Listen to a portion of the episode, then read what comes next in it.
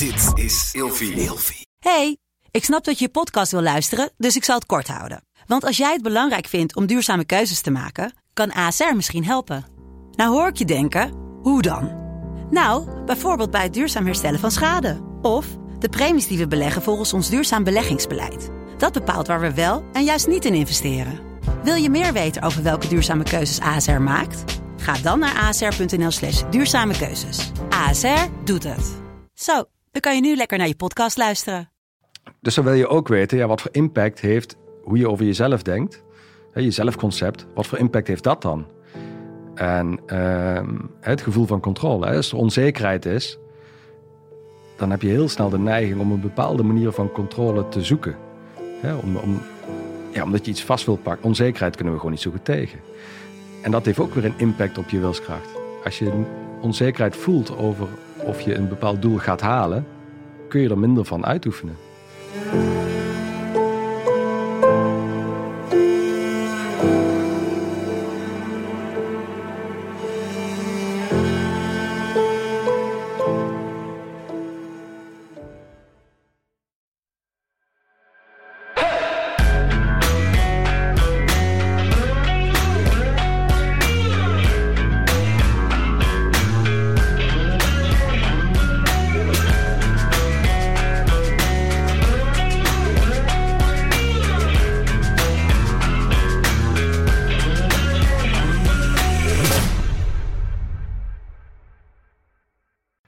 Welkom bij een nieuwe aflevering van Scherpschutters. We hebben er weer heel veel eh, zin in. Tegenover mij zit Edwin Zazada. Ja, dat is niet ja, een naam die ik regelmatig tegenkom. Wat, wat voor naam is dat eigenlijk?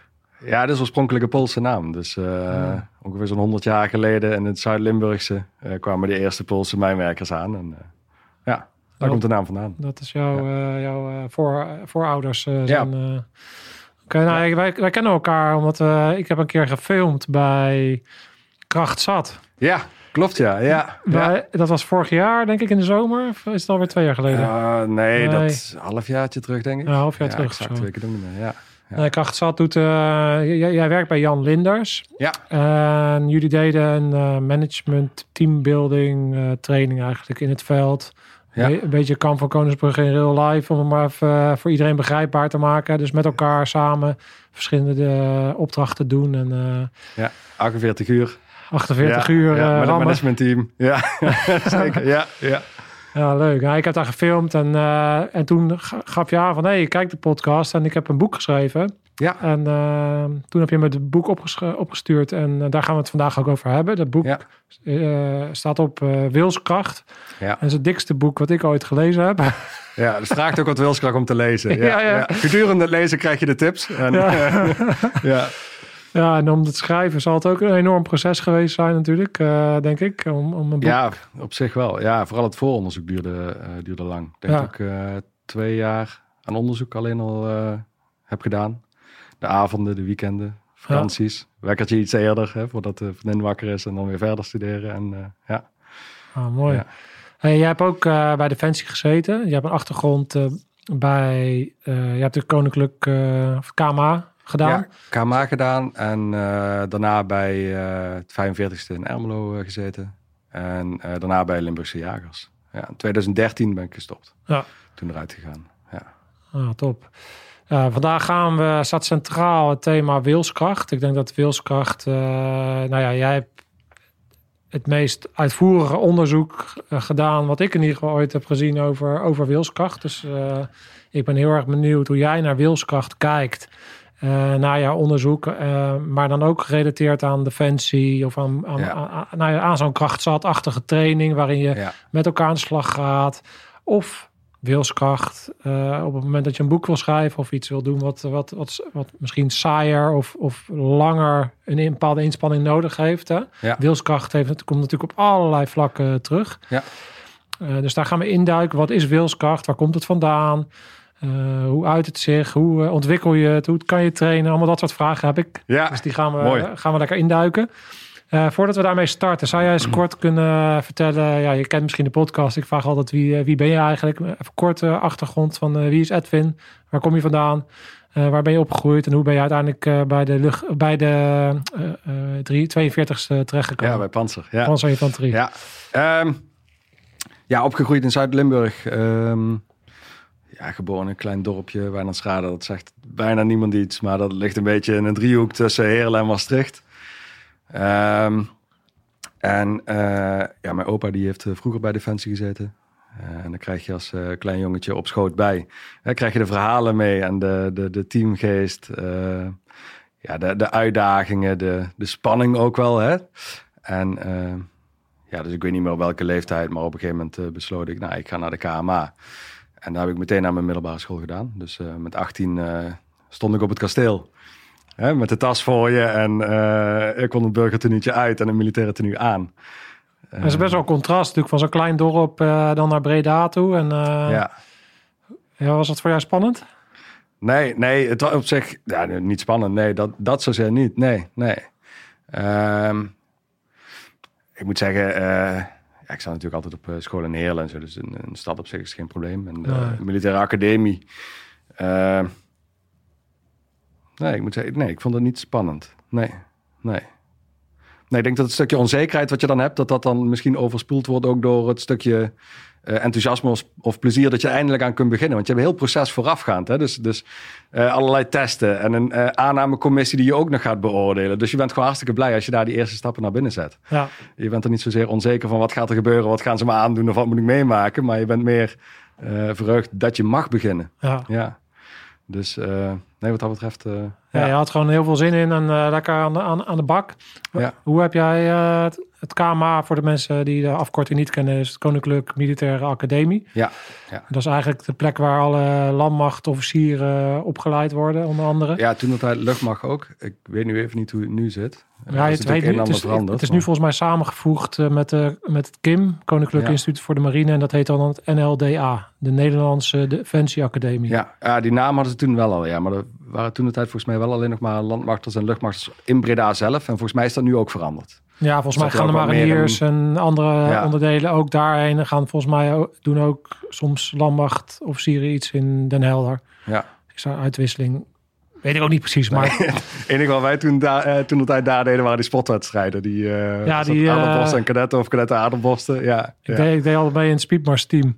Oh ja, dat, oh, ik heb er een tijdje meegetraind met dat Speedmast team. Een jaartje ongeveer. Ja, dat is echt slopend hoor. Ja, 25 minuten is ongeveer de tijd geloof ik. Vijf Vijf kilometer. kilometer, 25 minuten. ja. Ja, ja dat, eh, dat, was, eh, dat zijn pittige dingen. Ja, dat is een grappig met je kadaver. ja inderdaad. En dat is de man met de mag eh, voorop en, Ja. en, dan, en dan gaan. Ja, dat is Ja. echt gewoon geen looppas en dan met eh 10 kilo bepakking en, Ja. en, en je wapen. Ja. Nou ja, als je het over wilskracht hebt. waar, waar haal je het dan vandaan? ja, zo. Ja, ja tijdens zo'n speedmast komt er wel aardig naar voren. Ja. Hey, en hoe heb jij eh, het KMA ervaren? Wat, hoe, voor- wat voor een periode is dat voor jou geweest? Eh, ja, voor mij een hele belangrijke periode, denk ik. Omdat ik eh, ja, als persoon daar heel veel aan heb gehad. Ik denk ook dat ik daar echt als persoon door veranderd ben. Ehm, op de middelbare school was ik eh, nou, misschien wat onzekerder, hè, wat meer verlegen ook wel. En eh, had ik moeite om voor groepen te staan. Ja, dus wat moet je dan gaan doen? Dan moet je een beroep kiezen waarvoor je dagelijks voor de groep moet gaan staan. Hè? Dus vandaar de militaire academie misschien. Ja. Ehm, maar mooi is daar de combinatie tussen theorie, eh, gecombineerd met mentale opleiding, met een stuk fysieke opleiding. Ehm, wat dat betreft een volledigere, een completere opleiding, denk ik, dan dat je op een andere plek kunt krijgen. Hè? Dus de universiteit gaat natuurlijk lekker diep op de theorie in. Maar je mist dan een stukje de mentale component om er ook echt iets mee te kunnen doen. Hè? Dus, dus eh, bij heel veel acties en heel veel gebeurtenissen in het leven is het niet zozeer wat weet je, maar wat doe je ermee? Hè? Durf je over je eigen gevoel heen te stappen of, of durf je die stap te maken? Ehm, ja, dat element kreeg ik wel echt op de KMA ook echt mee. Ja, Ja. ja. dus de, hè, niet, niet achteruit deinzen, maar inleunen. Ja, dus, Ja, mooi. En naast natuurlijk de, de opleiding eh, theoretisch die je ook nog krijgt. Je krijgt Ja. van allebei de kanten natuurlijk. Eh, je krijgt zowel de theorie als de praktijk eigenlijk. Ja.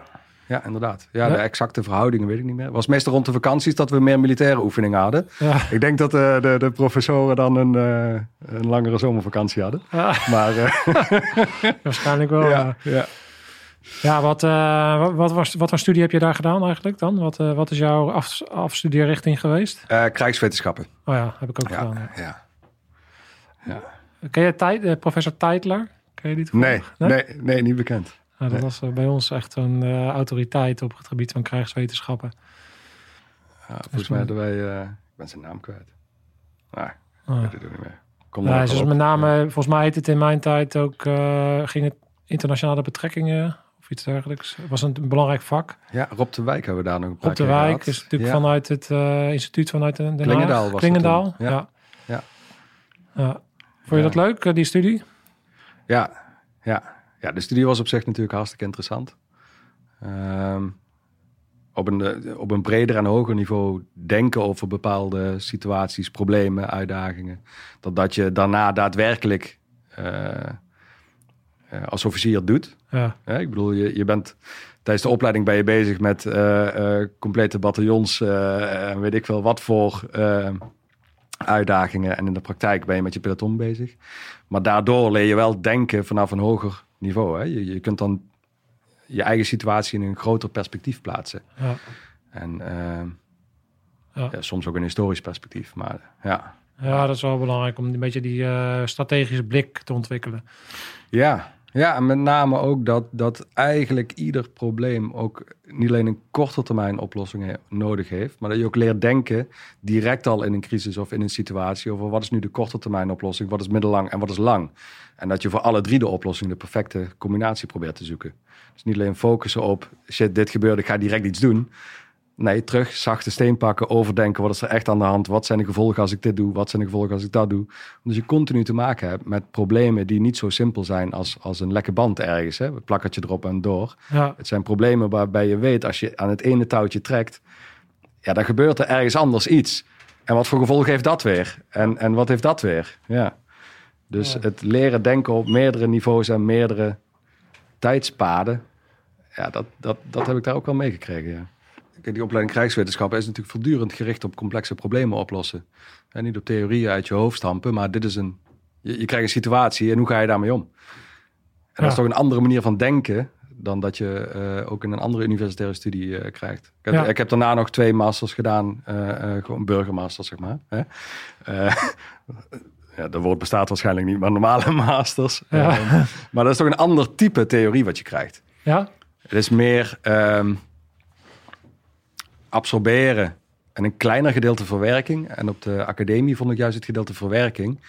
Hè, wat ga je daarmee doen? Het analytische stuk eh vond ik groter. oh ja. Ja, ook wel op een ander niveau. Ehm ja, probleemoplossend vermogen, dat, dat, dat zet er wel aardig in in die opleiding. Ja. ja. Ja, dat, eh, ik vond het ook wel een interessante eh, studie, moet ik zeggen. en, ehm, ik, kan, ik kan het natuurlijk niet vergelijken. Ik heb daarna niet eh, twee masters eh, geda- gedaan. dus eh, daar, kan ik niet echt vergelijken. Maar, de, maar ik vond het wel... ik heb er wel regelmatig nog, denk ik, wat aan gehad. Omdat je ook snel verbanden kan leggen. en geo, geo- geografisch ook wel goed snapt wat er soms gebeurt in de wereld. En toch een stukje meer achtergrond krijgt. En, Ja. en ja, daardoor wat meer beslagen ten ijs komt als je als officier toch dan net even dat stukje extra overview hebt misschien dan eh, de, de mannen binnen de gelederen. Ja, ik denk het wel, ja. Dat je een bepaalde helikopterview wat makkelijker kunt aannemen. Ja, dat er wat meer een gewoonte wordt om dat te doen in situaties. Ja. ja. Ja, Ja. dat is het. En toen, eh je hebt je studie gedaan, want we gaan zo meteen even induiken in het wilskracht eh, verhaal Ja, natuurlijk. Want even in een notendop, jij bent daarna naar, naar de 42ste gegaan. Hoe, eh, heb, Ja. heb je daar een mooie tijd gehad? Ja, op zich wel. Alleen tegen het einde aan kwamen, kwamen die bezuinigingen wel echt hard aan. Ehm, ik geloof in mijn laatste jaar was er een eh, personeelsstop. Hè, geen, geen nieuwe eh, mensen die binnenkwamen. Eh, een, een stop op reserveonderdelen. Eh nou, toen hadden we net die 97. Eh, en daar zaten nogal wat slijtageonderdelen ook op. Hè. Is nog, ja, is ook een, een behoorlijke brok staal die dan voorwaarts gaat. Dus dat slijt ook allemaal. Ehm, ja, ik geloof dat we op een gegeven moment nog maar drie rijdend hadden van de 14. En, eh, zit je een beetje voor de kast. ja, nou, en op een gegeven moment werden die, die eh, alles wat reed, werd ook nog eh, toegewezen aan een generaal. Dus moest je toestemming vragen om je eigen voertuigen te gebruiken. Ja, nou ja, op een gegeven moment zit je, raak je ook een beetje in een dip. Zit je achter een kantoor en denk je, ja, is dit, gaat dit zo verder of ga ik iets anders doen? Ja. Dus toen ben ik iets anders gaan doen. En eh, ik moet zeggen dat ik in tussentijd al die twee masters in de avonduren had gedaan. Om ook, eh, ja, enerzijds voor mezelf natuurlijk te ontwikkelen. Maar ook om te kijken van ja, als ik een keer iets anders ga doen, dan heb ik wel iets nodig wat ik kan aantonen. Want als je erop zet van ja, pelotonscommandant geweest. eh, zullen heel veel mensen je aankijken met ja, leuk. Maar wij, wij zoeken een manager, weet ik veel, hè, dit of dat. En ja, Ja, ja. wat is dat in godsnaam? Dus vandaar wat die voor- masters nog. Wat voor studies heb je gedaan? Eentje op HR gericht en eentje op eh procesmanagement en IT. Ja, dus eh, begonnen met HR. En eh, ik had voor mezelf, ja, omdat je dat wel tijdens je actieve periode doet. Hè? Dus je hebt oefeningen en kazerneweken die elkaar afwisselen. Je zit de hele week op de kazerne, je bent al in de weekenden thuis. Dus als je thuis bent, ja, probeer je ook tijd door te brengen met vrienden, familie, et cetera. Ja. Dus je, je tijd waarin je kunt studeren is beperkt. Dus ik had voor mezelf een ritme gemaakt. Iedere dag op de kazerne, als ik er ben, dan studeer of werk ik tot tien uur s'avonds. Ehm ja, om zo te zorgen dat ik niet afzwakte, hè, dat ik die studie ook ging halen. Want ja, je hebt ervoor betaald, dan wil je hem ook gewoon, eh, gewoon binnen hebben.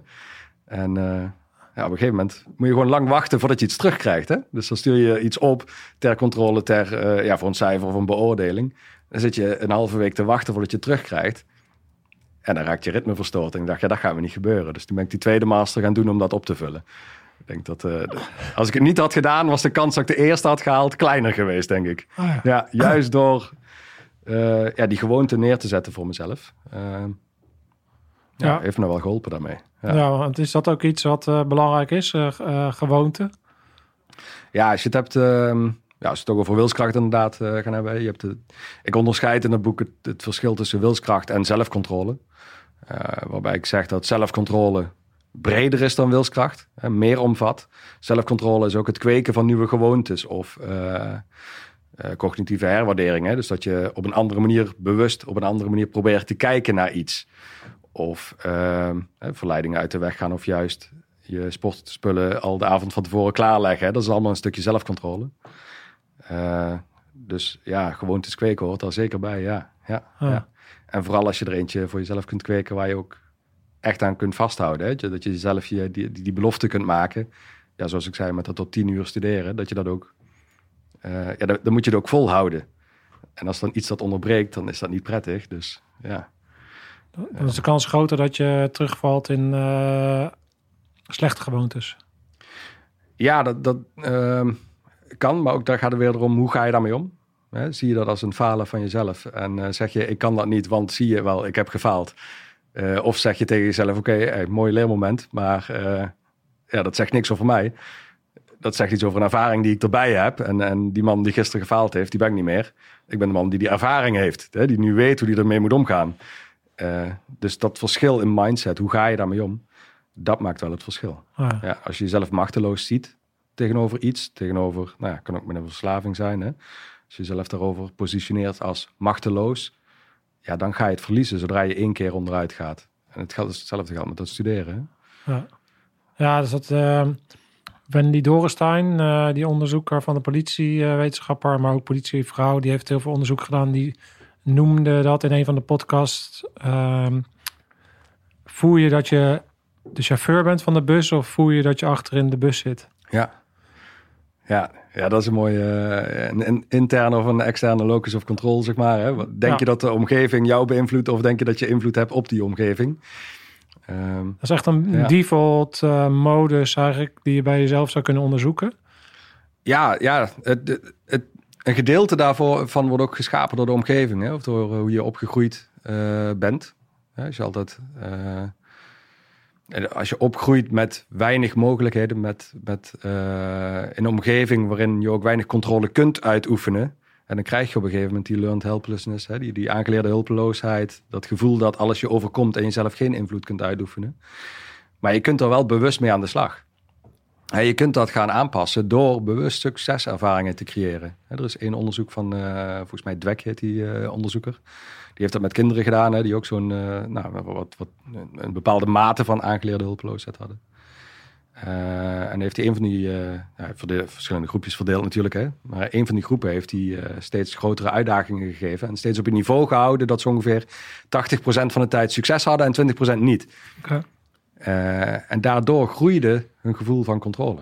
Hè? Dus daardoor groeide het gevoel dat zij impact konden maken op. Dus dat zij zelf de chauffeur waren.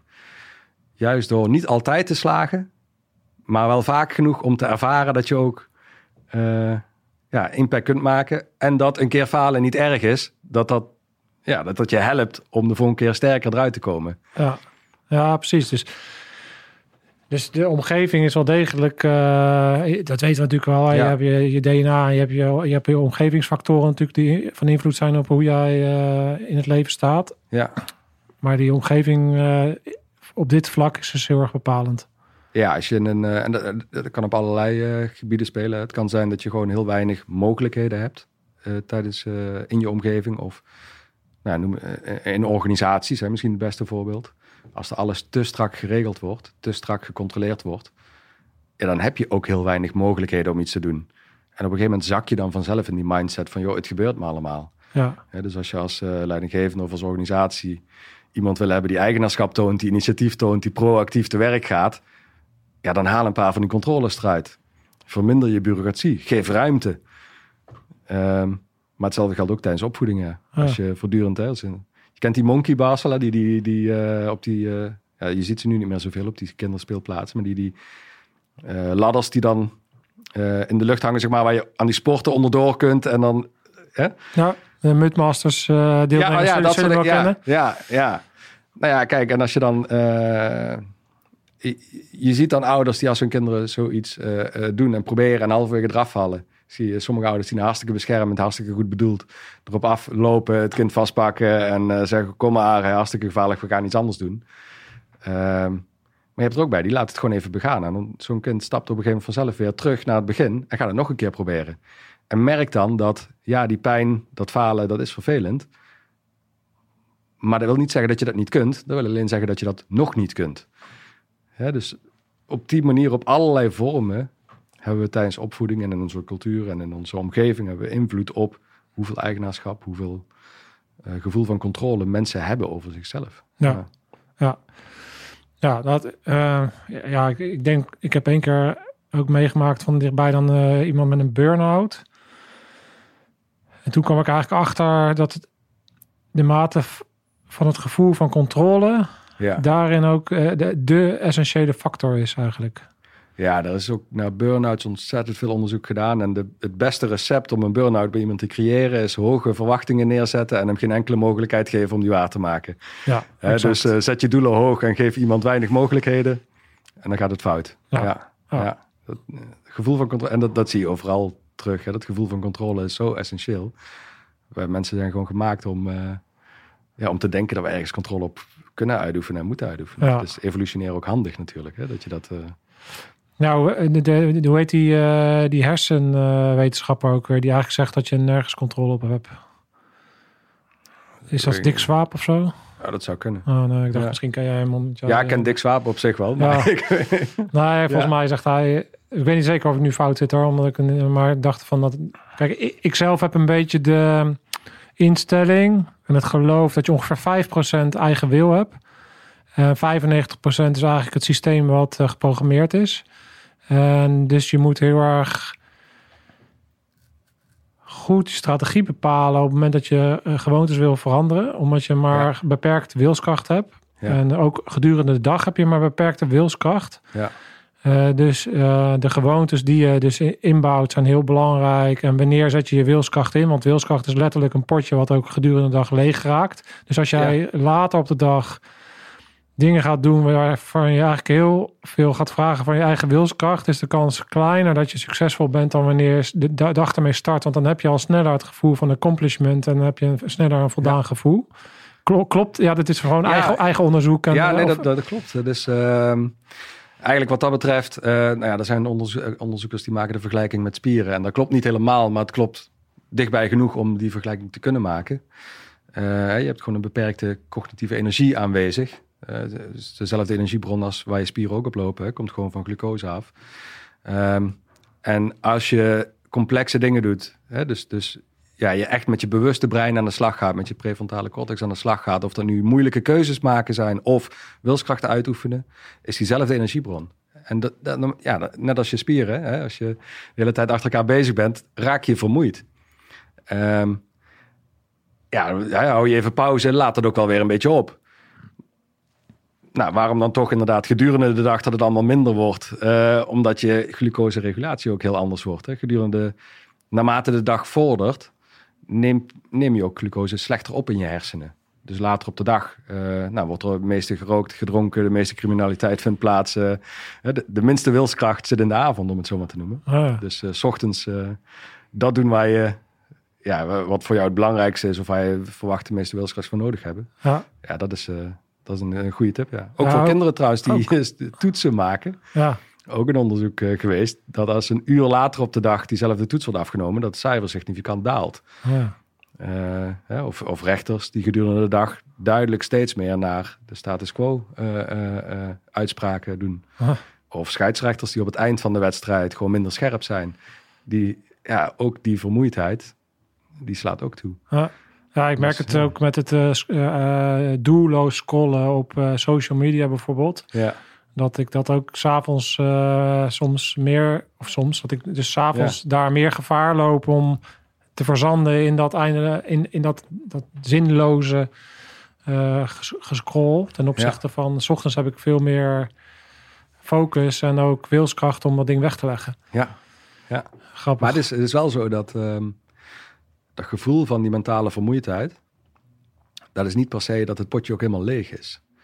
Dat is uh, wat dat betreft is die vergelijking met die spieren ook wel weer terecht. Uh, omdat ook bij je spieren, ja, dat weet je natuurlijk als geen ander. Op een gegeven moment denk je dat je af bent, dat het klaar is, maar er zit nog iets in. Ja. Het is alleen je brein dat zegt van, uh, hey, dus, dus, het is klaar. Omdat je brein bewust iets probeert achter te houden. 40% eh, regel kom je dan een beetje eh, op uit. Wat de, natuurlijk de populaire David Goggins, uh, eh, US Marines. Er. Ja. weet je, 40% dan, als je denkt dat je helemaal naar de kloten bent, ben je pas voor 40% versleten en dan heb je nog heel veel te gaan. Ja. Maar daar zit dus een kern van waarheid in. Ja, want dat laatste stukje, dat is evolutionair zou het niet heel handig zijn als je brein dat helemaal zou opmaken. Als je brein zou zeggen van nou, het gevoel dat het op is, valt precies samen met het moment dat het op is. Dat zou heel vervelend zijn. Want stel dat er dan een noodsituatie is, ja, wat dan? Ja, dan is er niks meer. En hetzelfde geldt voor je wilskracht. Hè? Ook, ook dat, die cognitieve energie of dat vermogen om bewust na te denken, bewust moeilijke keuzes te maken, bewust wilskracht te tonen. Ook dat uh, wordt, ja, je brein houdt daar bewust een stukje van achter, een reserve. net zoals in je auto, dan begint het lampje te branden. Ja. Nou ja, uh, als je denkt dat je niks meer hebt, dan brandt alleen het lampje, dan heb je nog wel wat. Ja. Het kost alleen wat meer moeite om eruit te halen. Maar als er iets gebeurt, iets levensbedreigends gebeurt of wat dan ook, dan zul je zien dat het er is. Um, dat is een onderzoek dat ze uh, uh, proefpersonen in een stoel neerzetten en dan vragen met hun arm zoveel mogelijk kracht te leveren. En uh, dus, dus op de maximum van hun kracht te gaan zitten. En is ergens in de jaren 60 geweest. En bij een van die herhalingen is de onderzoeker erachter gaan staan en met een uh, ja, punt 22 pistool, geloof ik, uh, een, een, schot gelost. En dan blijken ze meer maximale kracht te kunnen leveren dan dat ze zonder dat schot deden. Dus er zit een reserve die je kunt aanspreken. Er zit een soort uh, remming in je systeem, überhaupt gewoon. Een soort ja. beschermings, beschermingslimiter eigenlijk. Ja, ja en, en het mooie is dat wat wij motivatie noemen dat schuift eigenlijk met die regulator. dus als jouw doel belangrijker voor jou is, dan kun je meer van die reserve aanspreken. Ja? Ja, ja, ik, uh, ja waarmee kun je dat vergelijken? Ik denk, uh, nou ja, de, is een militaire opleiding. Dan ga je echt wel dieper dan dat je in je vrije tijd gaat als je wil gaan sporten. Ja. en dan kun je ook dieper gaan, omdat het doel gewoon, het is veel belangrijker om het te halen de trekkracht van het doel is gewoon groter. Waardoor je ook ja, in die zin onbewust je brein wat beïnvloedt om wat meer van die reserve vrij te geven. Ja. Want dat is bedoeld voor belangrijke momenten. Wat is eigenlijk het verschil tussen motivatie en wilskracht? Zit daar een verschil tussen? Um, ja, kijk, motivatie. Uh, uh, ik, ik zie dat meer als een samenstel van verschillende dingen. Hè. Dus motivatie is voor mij enerzijds eh, denk je zelf dat je iets kunt. Eh, bijvoorbeeld omdat je de capaciteit hebt, dus zelfvertrouwen hebt, et cetera. En wat is de trekkracht van dat doel? Hè, dus een stukje push- en pull factoren. Dus het is niet een, een ja, hoe noem je dat? Het is niet een, een losstaand iets. Motivatie bestaat uit meerdere factoren. Ehm, en wilskracht, ja, dat, dat overlapt wel echt een gedeelte daarin. Hè? Want hoe groter die trekkracht van dat doel is, hoe groter je motivatie ergens voor is, Maar, hoe maar wat, meer je ook kunt uitoefenen daarvan. Alleen ja, het Wat- ene is de energie en het andere is hoe belangrijk je iets maakt.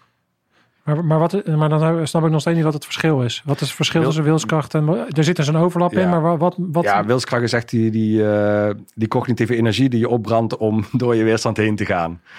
Ehm, hè, dus dat is echt eh, ja, kracht, duwen, eh, vechten tegen je gevoel, je emoties, je verveling, je, je weet ik veel wat. Ja. En motivatie, dat is de trekkende kracht die juist eh, zorgt dat je minder wilskracht hoeft uit te oefenen. Oh, ja.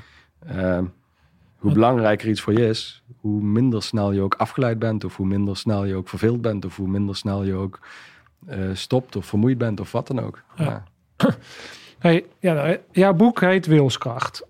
Over wilskracht. Ja. Over wilskracht. Ehm, dat boek is bij 700 pagina's lang. Ja. ja. Ehm, kan jij eens vertellen, waarom is dat boek zo, la- zo lang? En eh, waarom, dus je hebt een bepaalde keuzes gemaakt natuurlijk om Ja. eh, te zeggen van, want er zullen mensen zijn van ja, waarom heb je 700 woorden nodig of 700 bladzijden nodig Ja. om iets te doen? Hè? Dus je hebt bepaalde keuzes wel gemaakt, bepaalde keuzes niet gemaakt, denk Ja. ik. Ja. Ehm, en kan jij eens vertellen hoe dat boek is opgebouwd en, en eh, ja, hoe kan je, kan je eens wat meer vertellen over, over, wilskracht en wat, wat, eh, wat is die zoektocht dan en waar, is, waar, waar wat zijn Ja, wat ik. Initieel was niet per se de bedoeling om een boek te schrijven over wilskracht, maar meer om mezelf er even in te verdiepen. Hè. Dus ik, eh, ik zat op een punt dat ik dacht van ja, eh, ik, ik voel wat minder die interne wrijving die je af en toe wel gewoon nodig hebt. Hè. Die ook de, de jus over het, eh, de jus in het leven geeft, zeg maar. Eh, dus nou, nou, gaan we daar ook eens gewoon in verdiepen. En veel van wat ik tegenkwam was nogal eenzijdig. Hè? Dus, dus puur over hoe train je wilskracht. Eh, of eh, waarvoor kun je het gebruiken. Of eh, zo'n rijtje met tips hoe je gewoontes kunt creëren. Ehm, maar dat is, ja, ik vond het allemaal niet, niet echt heel diepgaand of niks als Compleet. allesomvattend. Nee, en dat, ja, en dat is meteen de reden waarom het natuurlijk zo dik is geworden. Omdat ik dacht, ja, ik, hè, er zit meer aan. En dan ga je zoeken en dan denk je, oké, maar wat is dan die motivatie inderdaad? Hè? En dan probeer je dat op te breken in stukjes. En te gaan zoeken van, ja, maar wat is dat dan? Naar de kern te gaan daarvan. En ehm, nou, op een gegeven moment kom je natuurlijk ook op het stukje... We hadden het net over bij eh, de chauffeur... of voel je dat je gewoon achter in de bus zit in die zin. Ehm, dus dan wil je ook weten, ja, wat voor impact heeft hoe je over jezelf denkt, je zelfconcept, wat voor impact heeft dat dan? En ehm, het gevoel van controle, als er onzekerheid is, dan heb je heel snel de neiging om een bepaalde manier van controle te zoeken. Om, om, ja, omdat je iets vast wilt pakken. Onzekerheid kunnen we gewoon niet zo goed tegen. En dat heeft ook weer een impact op je wilskracht. Als je onzekerheid voelt over of je een bepaald doel gaat halen, kun je er minder van uitoefenen. Zeg dat nog eens. Als je, eh, als je onzeker bent of je een bepaald doel gaat behalen, Ja, of je dat kunt, ja. hè, of dat de omstandigheden zo zijn dat, dat die zekerheid gewoon kleiner is, dan kost dat veel meer wilskracht. Dus dan vraagt dat veel meer van je wilskracht om er toch voor te gaan. Oh, wat interessant. Dus hoe onzekerder je pad wordt, hoe meer wilskracht daarvoor nodig is. Ja, omdat het eh, verwachte rendement ook kleiner is. Als je, eh, als je 50% kans denkt te hebben dat, je, eh, dat het doel echt haalbaar is, ja, dan is dat rendement ook maar, het verwachte rendement ook maar de helft. Als je 100% zeker weet dat het haalbaar is, ja, dan heeft dat een andere effect. Ah, Dus eh, ehm, bijvoorbeeld mensen die vrij regelmatig teleurgesteld worden in hun verwachtingen of in eh, die zullen sneller. die gaan, die oefenen, ja, die gaan minder snel wilskracht uitoefenen of minder snel voor een bepaald doel. Omdat ja, gewoon de historie heeft eh, laten zien dat de helft van de keren Ja. het wel gebeurt, de helft van de keren niet. Dus als jij een docent hebt waarvan je weet van, eh, joh, die, die, ja, die beoordeelt niet echt of die, die eh, ja, dan is de kans gewoon groot dat je een onvoldoende krijgt, ongeacht wat je doet. Ja, dan ga je er minder moeite voor doen. Ja. Hè, zo logisch is het. En dat geldt niet alleen op school of in een studie, dat geldt overal. Als je, en nou ja, als je in zo'n opleiding zit, een vrij fysiek zware opleiding zit, en je hebt geen idee wat de factoren zijn waarop je beoordeeld wordt en of je het gaat halen. En het voelt als willekeur of mensen eruit gaan of erin blijven. Ja, dat, Ja, dan vraagt het wel wat meer moeite om er doorheen te gaan. Wat ik hier interessant vind is, wat bij mij opkomt, is in hoeverre is manifestatie eh, belangrijk. En met name ook, kijk, uiteindelijk is het natuurlijk een perceptie. Hoe groot jij de kans acht Ja. dat jij je doel haalt. En hoe, Ja. hoe kleiner je jezelf maakt, Ja, hoe kleiner jij de kans acht dat je je doel haalt, Ja. hoe minder wilskracht je uiteindelijk gaat uitoefenen op de momenten Ja. dat het om gaat. Dus het is een soort van een self-fulfilling prophecy op het moment dat je dus eigenlijk jezelf al te laag inschat. ja, ja. ja, en dat is op zich wel een van de leuke ja, technieken of dingen die ik zelf gebruik. Eh, ooit was tijdens een, een, een, een oefening met MCTC-systeem, dus met dat eh lasergamen voor volwassenen, zeg maar. Hè, eh, was een oefening van een week, geloof ik, in de kou, ergens in de bergen. En ehm, de oefenvijand, die eh, werd met enige regelmaat verslagen. Wij lagen steeds in dezelfde opstelling. En ja, de derde keer kwamen ze weer terug. Nou, hè, weer vechten en eh, nou, gewonnen, weer vijand, weer terug. We dachten, oké, dan pakken ze nou een andere route of wij gaan ergens... Nee, hè, weer hetzelfde. Kwamen ze weer. Op een gegeven moment waren die soldaten er gewoon echt klaar mee. Die dachten, ja, wat is dit nou? Komen ze nou weer? Ja, op een gegeven moment eh, eh, ja, heb je bijna een staking op je hand. Hè? Dat iedereen denkt van, ja, wat voor, wat voor zin heeft dit nog? Wat zijn we hier aan het doen? En op dat moment, ehm, en ja, in welk moment of op, welke manier dat gebeurde, dat, dat weet ik niet meer precies. Maar ben ik op een panzervoertuig gaan staan, de hele club toegesproken. Ehm, ja, geprobeerd te inspireren, te motiveren, et cetera. En daarna zijn we, eh, ja, we ja, echt voorwaarts gegaan en hebben we best een succesvolle oefening nog eh, eh, kunnen neerzetten. Eh, en dat moment, hè, dat je een club hebt waarin alles hopeloos lijkt en je weet niet meer of het gaat lukken en je ziet gewoon ja, je peloton onder je voeten wegzakken, zeg maar. Hè? De motivatie zakt weg. Eh, en je, je, je stapt op zo'n panzervoertuig en het, het, het lukt je om ze te motiveren, om ze te inspireren. Dat moment pak ik terug op momenten dat ik denk van, joh, kan ik dit wel?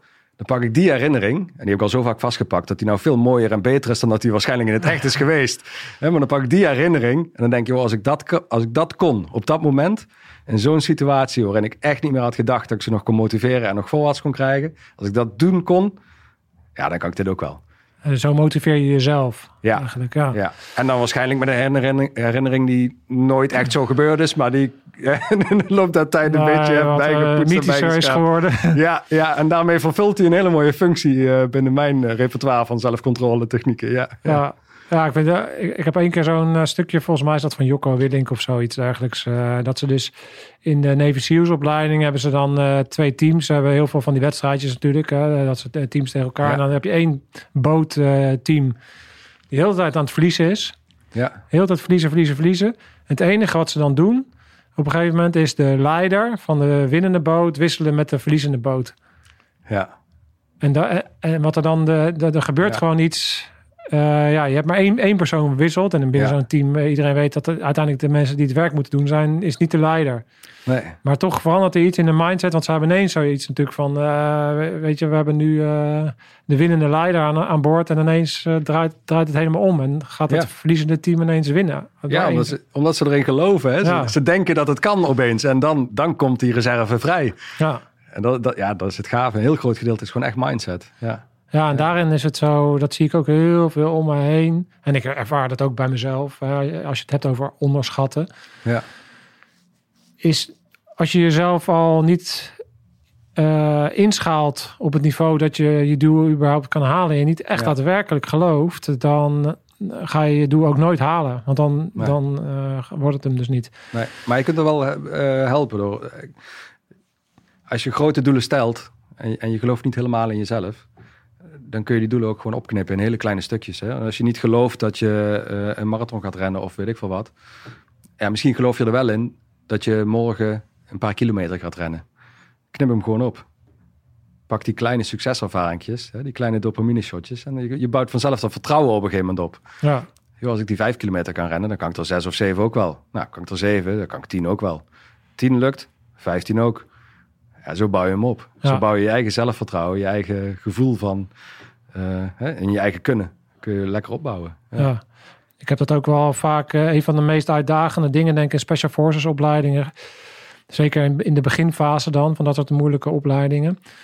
Is de kaart- en kompasoefeningen, want die worden van Ja. steeds hoger niveau. En dat is eigenlijk echt een heel, eh, ook, ook al bij het begin van de Delta Force eh, eenheden en dat soort eenheden, zie je dat eigenlijk altijd, de centrale basis, altijd die eh, ka- kaart- en kompasoefeningen. Ja. Want dan ben je heel erg op jezelf aangewezen. Je, je hebt niemand om op terug te vallen.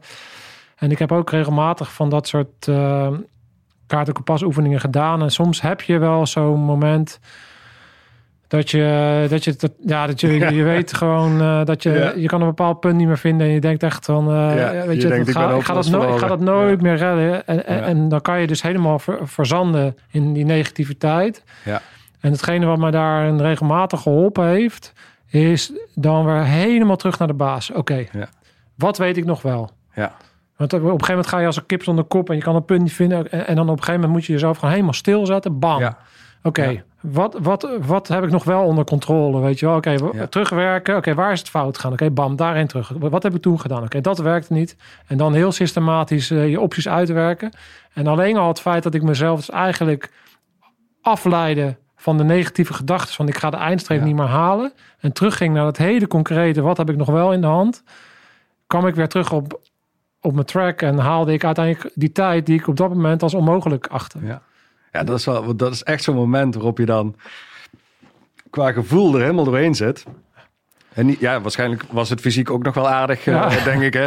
Ja. Dus dan zit je er fysiek al doorheen. Dan heb je ook nog eens een stuk mentaal dat je denkt van... joh, het gaat allemaal niet meer. Je raakt in een soort van slachtofferrol bij jezelf. Hè? Dat je. En als je dan daar overheen kunt zetten... ja, dat is achteraf een gaaf gevoel, hè, denk ik. Ja. dat je denkt van joh, het is me wel...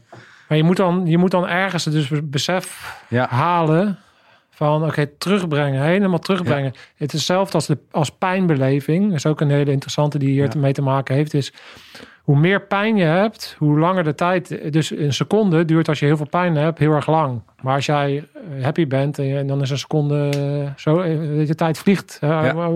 als je het naar je zin hebt. Dus hoe, hoe, eh, hoe meer pijn je hebt, hoe korter die, die beleving wordt. En eh, ik denk dat je dat met, met, met doelen behalen een beetje hetzelfde eh, kan doen. Hè? Dus door, door dat allemaal heel, heel klein, klein te maken. Hoe Ja. harder je lijdt eigenlijk onder je eigen negatieve gedachten. Hoe kleiner je het stapje gewoon moet maken. ja, ja. Dan moet je, oké, wat is dan, wat kan ik wel nog doen? Ja, ik kan nog één voet voor Ja. de andere zetten en alleen maar daarop focussen. Ja, ja dat is het. Je had het net over het Speedmaster team. En dat, Speedmaster is precies zo'n activiteit waarbij dat. ehm, ja, ik denk iedereen die gespeedmaster heeft, die kent er wel. De eerste, de eerste eh, kilometers gaat wel. En dan op een gegeven moment begin je steeds. Dan denk je, ja, ik, ik, vooral als er mensen zijn die mogen opgeven, hè, zoals bij zo'n Speedmaster team echt is. Volgens mij mochten er twee afvallen. ja, twee kunnen afvallen. Ja. Wij, de- wij, wij hadden ook wel echt een tactiek dat je dus mensen kapot lieten lopen. ja, Dus dan hadden we de, de, mag is het zwaarst. ja, En Ja. dan hadden we wel gewoon de eerste twee mensen die de mag liepen, die gingen daarna achterin. En eh, daarna pakte de sterkere het eigenlijk over. En, eh, dat je dus echt, echt gewoon kapot lopen. Ja. ja, ja, het wordt nog Als je dat niet hebt, dan wordt het gevaarlijk. Want dan denkt iedereen, ah, er zijn twee die niet hoeven aan te komen. Ja. Dus eh, ja, het begint een beetje pijn te doen en dan begint je hoofd ook te malen. Ja, Maar dan, eh, ja, dan zeker. Dan ga je natuurlijk steeds die, dichter bij die doelen stellen. Hè? Van, joh, dan tot aan het boompje, dat red ik nog wel. Nou, dan is het boompje het volgende doel. ja. En dan wordt steeds iets dichterbij. Ja. Op een gegeven moment is het nog maar, nou, instappelijk nog wel. Eh, ja, Ja, bij de, ja. bij de Engelse commandoopleiding hadden ze ook zo'n mooi zo'n bordje. eh, bij de Speedmars eh, en de Endurance Course. En dan had je, had je daar op een gegeven moment zo'n bord. En dat hing daar dan en dat was eh, eh, 500 meter. was dan de laatste 500 meter. En dan stond er zo, it's only pain. ja. Ja, ja, zeg Ja, maar, op ja, het, is, het maar pijn, weet je wel. Ja, hoe, ja, je, kan- je kan het heus nog wel eens, eh, eh, even volhouden. Ja, dat is het wel. Hè? Dus altijd jezelf dan proberen te herinneren aan dat, eh, Ja, dat je de, de, de pijn voelt, maar je bent de pijn niet. Hè? Dus je, ja. je ervaart het, maar je bent het niet. Je kunt er overheen. Hè? Dus dat, ja, tot, hoe zwaarder die wordt, hoe moeilijker die gedachte wordt om Ja, vol te houden. Op een gegeven moment heb je het gevoel, ik ben het wel. Ja. Maar, ik eh, overal ja, pijn. ja, ja, nu ben ik pijn. maar eh, ja. Ja, pijn is zo'n ding wat je gewoon kan. Ja, ja, ja, toch, je kan het wel trainen. ja. Pijn, pijn is altijd pijn. En dat is wel, pijn doet in een moment nooit minder pijn. Nee. En er zijn altijd grenzen, hè, maar je kunt die grens wel rekken steeds. Hè? Dat je iets meer kunt verdragen. Of, op, ja. Ja. Ja. Ja, kijk, ehm, wat ik ook wel interessant vind. Kijk, we gaan natuurlijk vandaag, we kunnen nooit 700 pagina's en jouw hele relaas eigenlijk eh, helder krijgen. Maar het is alleen al interessant om, om natuurlijk een aantal van die dingetjes uit te Hmm. halen. Wat ik met name interessant vind, om het ook zo, zo praktisch mogelijk te maken. Eh, je hebt eigenlijk al tussen de regels door natuurlijk eh, best wel wat dingetjes. je geeft eigenlijk aan, een doel is... Kunnen we, kunnen we stellen dat een, een duidelijk doel essentieel is? Ja, eigenlijk als je... je moet een duidelijk doel hebben, maar kader ook dat doel in in de rest van je leven. Hè? Wat vind je nou in je leven het allerbelangrijkste? Maak je eigen doelenhiërarchie. Zodat je keuze al gemaakt is. Als je voor die keuze komt, dat je meerdere conflicterende doelen hebt, dat je al weet wat vond ik nou het belangrijkste. Zoveel mogelijk keuzes van tevoren maken, zodat je die niet meer hoeft te maken als je eh, pijn hebt, verveeld bent, geen zin hebt, noem maar op. Dus zorg dat je die heel scherp hebt. Eh, eh, Ja. Hoe bedoel je zoveel mogelijk keuzes maken van tevoren? Ehm, nou ja, als je van tevoren eh, je doel heel scherp neerzet. Je zet neer hoe belangrijk je die vindt in relatie tot andere doelen. Je zorgt dat je exact definieert wat je wil halen, wanneer, op welke manier. Je zorgt dat je de route er naartoe helder hebt, je what-ifs helder hebt. Ja, je moet gewoon een strak plan schrijven eigenlijk als je een bepaald doel wil halen. Ja, is dat, is dat, eh, is dat de weg? Kijk, waar, waar ik, wat, ik, wat ik daarin lastig vind, en dan ben ik benieuwd hoe jij daarin zit. Als ik naar mezelf kijk, hoe ik dat doe, is dat ik, ehm, als ik ver vooruit kijk, Ja, een richting bepaal. Maar dat doel niet dusdanig eh, scherp zet dat, dat ik ook niks anders meer kan. Dus het is meer een richting. Het is een, het is een bepaal. Het is, ik wil die kant uit. Hè? Dus Ja. als je het hele spectrum kijkt eh, van, eh, van dingen die je kan, en dan heb je in ieder geval een richting.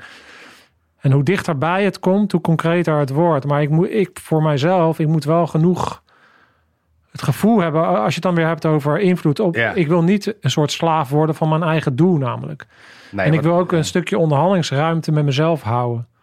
Ja, het ligt er ook aan wat voor type. Kijk, als het gaat om eh, afvallen of een bepaald sportief doel halen, dan zou ik hem zo nauwkeurig mogelijk vastzetten. Gewoon- gewoon... exact neerzetten en ook hoe je daar naartoe gaat, wanneer je gaat trainen, wanneer je op welk niveau moet zijn, et cetera. En wat je gaat doen als je een keer niet kunt. Ehm, als het een doel is die eh, ehm, te maken heeft met waar je over tien jaar in je leven wil staan, ja, dat kun je niet zo nauwkeurig voorspellen. Dat- dus daar helpt het om wat meer flexibiliteit in te bouwen, zodat je als er een kans voorbij komt, die kans kunt pakken en dan daarop weer verder kunt gaan. Ja. Maar als het te plannen is, hè, dus als het wel iets is wat je ja, zeker kunt halen en kunt definiëren en kunt eh, eh, aanscherpen en kunt monitoren hoe je daar naartoe werkt, ja, dan helpt dat wel. Ja. Dat hebben we ook een keer gedaan met eh, studenten op Amerikaanse universiteiten. Hebben ze gekeken wat het doet in gewichtstoename als, je, als ze iedere dag op een weegschaal gingen staan of niet. Hè, normaal nemen studenten in gewichtsomvang schijnbaar toe. Hè? Eh, maar Hoe kan dat dan? geen idee. Nee. Ehm, maar de mensen die iedere dag op een weegschaal stonden, ondanks dat ze voor de rest geen doel hadden, door puur alleen al die monitoring, eh, namen veel minder toe in gewicht. ja? Dus als je al dat soort elementen bij elkaar pakt en dus ook zorgt dat je continu je voortgang monitort, dan onbewust help je jezelf ook al een beetje om eh, richting dat doel te gaan. Ja. Door middel van de emoties die je ervaart. Want als je, ja, je, je meet en je ziet, hey, ik doe het goed, dan voel je je positiever. En je meet en je merkt, ik zit er nog, eh, ik zit er iets onder. Ja, dan krijg je eh, een andere emotie. Hè? En dan, stuurt, dan helpt die emotie om je al richting je doel te sturen. Je hoeft niet altijd te vechten tegen je gevoel. Je kunt het heel goed inzetten om, eh, om je doelen te halen. Ja, maar daarin, kijk, daarin, als je wat, wat bij mij opkomt, is dat het ook twee kanten uit kan werken. Want als je het weer hebt over die 80% eh succeservaring en 20% niet, dan is het dus allereerst belangrijk dat je heel nauwkeurig omgaat met de juiste doelen stellen. Want anders eh, eh, draai je hem straks voor jezelf om en heb je Ja. 80% eh, negatieve ervaringen en, en 20%. En dan ga je natuurlijk niet heel erg lang je wilskracht behouden. Nee. Dus, dus ja, doelen stellen is, is eigenlijk iets waar je heel nauwkeurig en, en Ja. uitgebreid mee aan de slag moet. Ja. En niet te makkelijk over moet denken dan. Nee. Nee, dat- dat is een essentieel onderdeel, ja. ja. Ja. En dan ook nog, als je dan dat doel heel scherp ge- eh, gepland hebt. En je hebt het op een niveau gepland dat je in ieder geval denkt dat je het kunt halen. eh, dan moet je ook nog eens heel goed gaan nadenken over die route dan naartoe. Want dat onderschatten we ook vaak. Van, Ja, dat, dat bedoel ik. Van die, die, juist Ja. die route. Want, Ja. Oké, dat doel van ik wil die... Stel, Ja. even heel concreet. We willen, we willen over zes maanden weer een marathon lopen. Om maar even heel makkelijk te maken. Maar dan die tussendoelen stellen is eigenlijk Ja. belangrijker nog dan het einddoel. Omdat daar zitten natuurlijk de negatieve of de positieve ervaringen continu ook. Ja. Ja, ja, dat zijn eigenlijk je, je hulpmiddelen, hè, al die tussendoelen. Dus als je die heel scherp wegzet, dan helpt dat je om je doel te halen. Ja. Ja. En als je daar inderdaad veel... eh, als je continu niet haalt, ja, op een gegeven moment verlies je ook echt je, ja, je wilskracht. Hè? Maar dan, dan, dan voel je jezelf ook een beetje in de... Raak je in die slachtofferrol, hè? Ja. Ja. Ja, en hoe, En die hoe- kan het niet rol. Ja. Heb jij. Kijk, ik heb een keer een, eh, ik heb in de uitzending Jack Little gehad. Misschien, eh, ik weet niet of jullie hebben gezien, maar het is, dit is een, eh, oud, een mountain leader van het Course Mariniers. En die heeft Defensie Fit. En die, die zie ik echt als de ultieme gast die zijn eigen procedures kan volgen. Hij is extreem. Hij, ik noem hem altijd een robot. ja, die gast, die, ik heb hem ook meegemaakt. In de, in- ik ken hem natuurlijk vanuit de, vanuit de mariniers. Maar hij is echt extreem in staat om zijn eigen doelen te stellen en die dan ook te volgen. En is daar heel procesmatig in. Als ik mezelf daarnaast zet, zit ik toch anders in elkaar. Heb jij kunnen ontdekken ehm, hoe dat werkt met verschillende soorten persoonlijkheden en dan in, in relatie tot wilskracht? Hoe moet je daarmee omgaan? Moet ik, moet ik mezelf in het keurslijf drukken van eh, bijvoorbeeld Jack? Of, eh, moet, hoe- of moet je dat voor jezelf uitvogelen? Nee, dat Is, is, er, is er één weg die het beste is? Of hoe? Nee, er is niet, eh, niet per se één weg die het eh, beste is. Je hebt heel veel verschillende technieken, methodes om er iets aan te doen. hè. Je kunt ook puur met jezelf bezig zijn, met je eigen innerlijke houding bezig zijn. Eh, hè, en jezelf steeds, nou wat ik zei, met mijn eigen herinnering, een stukje die, die boost geven. Maar het, het kan ook door jezelf eh, eh, de herinnering te geven van, joh, ben ik nou een slachtoffer of ben ik een leider? En als je op die manier met jezelf bezig bent, kan dat ook weer die boost geven om wilskracht uit te oefenen. Maar ehm, ja, het helpt wel als je inderdaad doelen hebt die je zo procedurematig kunt aanpakken, die je heel gestructureerd kunt aanpakken, waarbij je ook je, ja, je what-ifs heel duidelijk hebt. Dat helpt wel. Ja. Dat, ehm, Ja, ik moet, die, eh, die herinnering ik moet ook denken aan eh, David Goggins, een eh, cookie jar. Die weet het ook zo mooi te vertellen natuurlijk.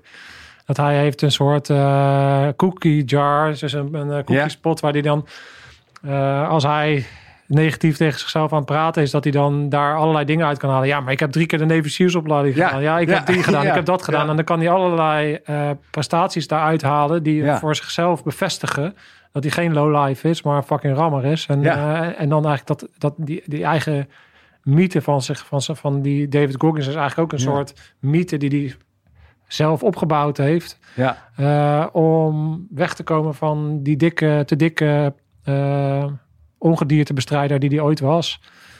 En, Ja. en, en, en, het is eigenlijk gewoon een soort bouwwerk dan wat je, wat je opzet. ja, ja, ja, je trekt jezelf dan uit die slachtofferrol. Hè? ja.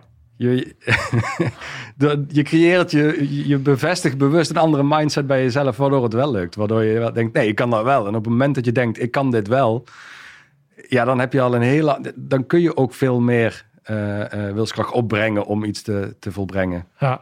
ja. Dat is weer die onbewuste beïnvloeding van je eigen hersenen. Hè? Als, je, als jij de signalen naar, naar je eigen brein zendt van, joh, eh, het gaat niet lukken, ja, dan waarom zou die dan die beperkte energiebron die het is, waarom zou die dan daarvoor beschikbaar stellen? ja.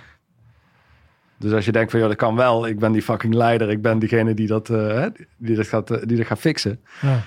ja, dan, dan is er ook meer beschikbaar. Dan, Ja. zit, dan zit die rem ergens anders of dat metertje ergens anders. Dan kun je meer van die benzinetank eruit trekken. Ja. Ja, dat, ja, dat is super interessant natuurlijk. Dus, dus het zit in, eh, in die reservetank. Die hebben we allemaal. Ja. En waar zit die grens? Wanneer gaat dat lampje aan? Ja. Daar zit denk ik al een verschil. Hè? Wanneer, Ja. ga, wanneer voel jij dat je in je reservetank zit? Daar kan je al wat invloed op hebben. Ja. En dan als, die, als dat lampje aangaat, hoe ga jij dan om met die reserves? En hoe weet je eigenlijk bepaalde hacks uit te voeren op jezelf Ja. ook... om dan die reserves zo effe- effectief mogelijk aan te spreken? Ja. Ja. Ja. En dat, ja, daarvoor zijn inderdaad heel veel trucjes en heel veel mogelijkheden. Maar eh, ja. Ja, een van de belangrijkste dingen die ik denk ik zelf eh, zou willen benoemen ook nog is het feit, ik zeg dat altijd, eh, dat je zeker als je jong bent, dus tussen je 18 en je, en je 30ste een beetje, moet je zoveel mogelijk je grenzen oprekken om Ja. daarna gewoon weer je, je grenzen zo ver, ja, je moet ik denk dat defensie zo nuttig is voor het feit dat je zo ver over je grens heen gaat. Ja, continu nieuwe uitdagingen, nieuwe grenzen, Ja. die weerstand bij jezelf doorbreken. En dat neem je mee. Je neemt dat mee. Want op het moment dat je, dat, dat je zo ver je grens hebt opgerekt en je dan vervolgens eh, in een gewoon in het dagelijks leven, waarom zou ik in godsnaam met drie nachten niet gaan slapen? Dat, dat, dat, het hoeft helemaal niet. Maar het feit dat ik weet dat ik het kan, Ja, bete- geeft wel kracht. Want het Ja. geeft wel door dat je dan dat bet- betekent wel dat als ik, als ik een keer he- iets, echt iets echt heel graag wil en ik ben heel erg moe, eh, dat, dat ik dan kan. kan zeggen van ik Ja. trek een nacht door en ik ram hem er gewoon uit en ik, ik, ga, ik, heb, ik heb dat wel in me omdat ik die ervaring heb opgebouwd in mijn in je jongere leven als dat allemaal wat makkelijker gaat. ja, ja. Maar ja, dus enerzijds heb je dan die herinneringen die je kunt gebruiken. ja. Maar ook je hersenen zijn op die leeftijd nog veel meer, veel vormbaarder. Ja. Ja, dus, dus je gaat dan ook andere connecties tussen hersengebieden leggen. Of strakker of beter. Of, hè. Maar die zijn nog veel vormbaarder op die leeftijd. Dus het heeft ook daadwerkelijk een invloed voor de rest van je leven. Dus Ja. als, je, als je ook je wilskracht nooit meer aanspreekt of je traint het nooit meer, dan zwakt het ook weer af. Alles wat je niet gebruikt, dat, dat zwakt weer een beetje af. Ja. Dus eh, ja. Ja. ja, mooi. Ja, het is. ehm, heb, als je nu zo een beetje terugkijkt op de dingen die we besproken hebben Hm. over wilskracht, we hebben natuurlijk heel veel geraakt. We- Wat, zijn dingen die we misschien gemist hebben, die essentieel zijn? Ja, wat hebben we gemist? Ik denk dat we de belangrijkste punten wel geraakt hebben. Kijk, het, het, het, het allerbelangrijkste is denk ik beseffen dat dat dat metertje tussen... Hè, wanneer voel je dat iets niet meer kan of denk je dat iets niet meer gaat... dat je dat zelf onder controle hebt. Daar kun je zelf mee schuiven. En het hoe en welke trucs en weet ik veel wat voor dingen. Ja, daar, daar, kun, je, hè, daar kun je urenlang in verdiepen en in verliezen ook. Eh, maar het besef dat je dat zelf onder controle hebt... dat dat gevoel niet per se de werkelijkheid is... Ehm, Hè, en dat je, eh, als je denkt van, joh, ik kan niet meer, mijn wilskracht is op, het zit er doorheen. Dat je dan wel nog iets hebt. En dat je dat kunt beïnvloeden door de manier waarop je erover denkt. Ik denk dat dat de essentie is. Ja. ja, interessant dat dat eigenlijk zo simpel is. Want ik vind, Ja. ik vind negatieve stemmen vind ik, eh, fascinerend. ja.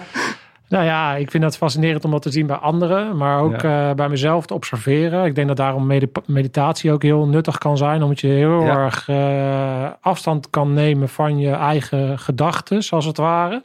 Ja. En je dan eh, en daardoor ook veel meer kan, kan zien. Maar door, door dat meditatie te doen, kan je ook in je dagelijks leven veel vaker observeren van hé, hey, Ja. wat grappig, ik denk nu eigenlijk heel iets heel negatiefs over mezelf. Of over een bepaalde situatie. En dat heeft een enorme invloed op eh, hoe ik me voor, vervolgens nu daarmee aan de slag ga, bijvoorbeeld. Ja. Of hoe ik het nu, hoe ik nu uitstelgedrag aan het vertonen Ja. ben. En dat heeft allemaal, en daar heb je dus enorme invloed op. Ja. Dus Het leuke met zo'n uitstelgedrag, nou dat dan misschien als laatste dan. Het uitstelgedrag is, als je dat dan toch hebt, je kunt het ook nuttig toepassen. Want je hebt, je hebt niet zomaar één doel, je hebt er altijd meerdere. Er zijn altijd meerdere dingen die je moet doen, wil doen, eh, hè, die nut hebben. Dus als je dan toch uitstelgedrag hebt op het ene, gebruik die tijd dan om het andere te doen. Wat iets minder belangrijk was, maar toch nog nuttig is. Dan, eh, en dan kun je op die manier toch je tijd eh, goed gebruiken. Ja, ja en, wat ik wel bij mezelf ervaar, en dat is misschien ook een stukje ervaring nu ik natuurlijk, nou ja, voor, dat, dat- nu ik wat meer ervaring heb, omdat ik ook wat ouder ben, is af en toe eh, moet je ook gewoon toegeven en weten, oh ja, nu vertoon ik uitstelgedrag en het is oké. Ik heb nu gewoon ook een soort van even nodig om mezelf eh, te vervelen of even niks te doen wat nuttig is. En, Ja. eh, je hoeft niet altijd nuttig Nee. bezig te zijn, namelijk. Nee, nee. Ja, het is, eh, soms moet je ook gewoon even niks doen en ook tijd in. Even de batterij opladen. oh ja, gewoon eh, nutteloze shit doen. En, Ja. Ja, ja zeker. Ja, toch? Ja, ja. Ja. Ja, ja, je kunt, ja.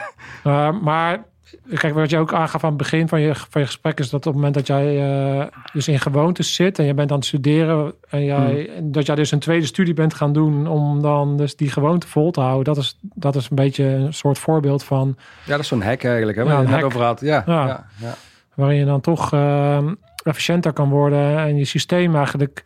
Het draait er gewoon om dat je heel hard alle Jezus goed snapt hoe je lichaam en je, Ja. eh, je, je machine in elkaar zit. ja. Ja, als je alle radertjes kent, eh, dan op een gegeven moment kun je zelf besluiten, wat ga ik nu doen daarmee? Hè? Maar Ja. je moet weten, hoe zit het in elkaar voordat je er iets mee kunt gaan doen. Dat is toch ook super logisch. Ja, monteur die weet precies hoe een auto in elkaar zit. Want als Ja. die auto eh, niet lekker draait, dan, dan, weet, dan weet hij hoe moet onderzoeken om die auto weer lekker te laten draaien. Ja, Maar de belangrijkste machine, dat zijn wij zelf. Ja. En daar moet je gewoon heel veel tijd in stoppen om er zelf eh, onderzoek naar te doen en ook te lezen en ook coaches in te schakelen om, Ja. de, om de blinde stukjes natuurlijk te, te vinden. Een monteur Ja. wordt ook niet eh, goed in zijn vak eh, door alleen maar zelfonderzoek of zelf te sleutelen. Die wordt goed omdat hij dus Leert, van ziet. coaches Ja. en rolmodellen. en, rolmodellen en, en leraren. Ja. En daarin, dat is een, eigenlijk een levenslange zoektocht naar, naar, voor ons, denk ik. Want die Ja. gradertjes bij ons zijn zo ingewikkeld. Ja. En aan de andere kant weer zo simpel eigenlijk, dat het soms, zoals wat jij, wat jij Soms het- heel ja. veel eh, bladzijden geschreven en heel interessant onderzoek gedaan. Maar uiteindelijk zie je dat het dan dus eh, toch weer uit te kleden is op hele relatief simpele dingen. Maar, maar die simpele dingen zijn niet dan ook direct makkelijk. Nee, het blijft ook met dat soort dingen toch trainen, oefenen, doen, Ja, ervaren en steeds een stapje verder proberen te komen. ja, Maar de, ja, de essentie is wel, eh, als je jezelf leert kennen daarin, eh, van dat soort dingen, dat, dat kan je veel meer brengen dan alleen maar theoretische kennis over andere dingen leren. ja, Vaak weten we wel wat het beste is, maar houden we onszelf een beetje voor de gek of onszelf een beetje tegen, hè, omdat we gewoon, ja, wat iets spannend is of het, of, het, ja, of je denkt van, nou ja, je hebt er een bepaald gevoel bij.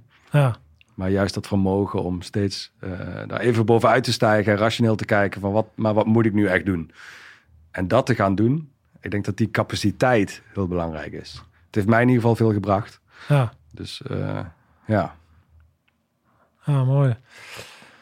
Ja, bedankt voor jouw eh, boek. Ik zou ook, ik zal even een linkje zetten. Is, kunnen, ze, kunnen mensen gewoon jouw boek bestellen eigenlijk? Is dat eh, gewoon te koop via, ja? ja gewoon op alle ja, normale sites en, Ja. en de boekhandels. En, eh, ja. Ik, ik zet hem, ik zet hem erbij.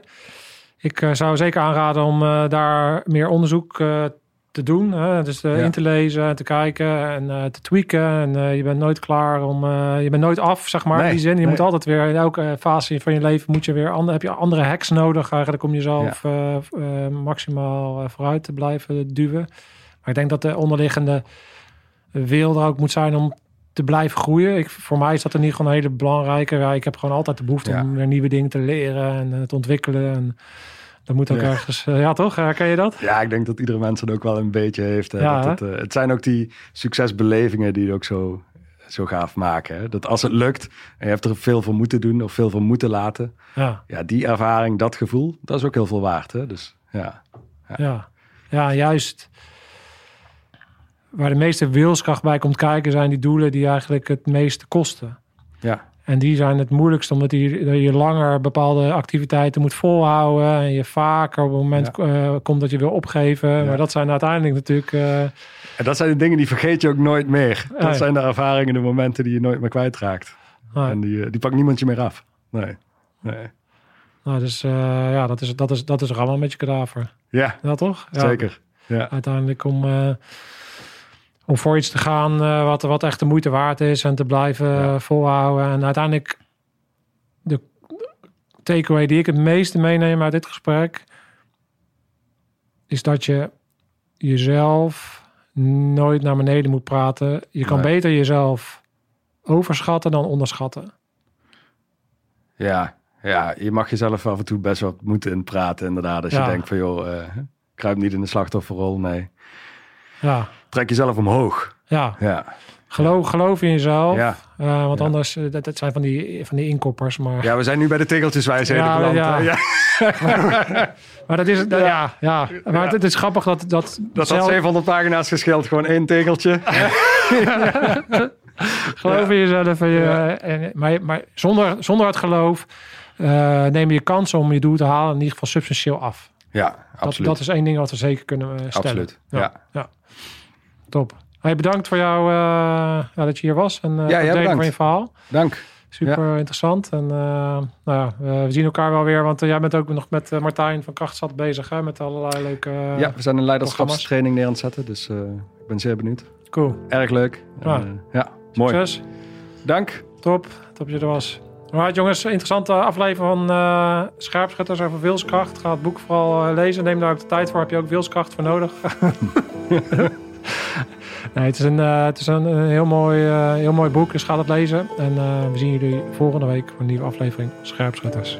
Top, bedankt. Scherpschutters, uit.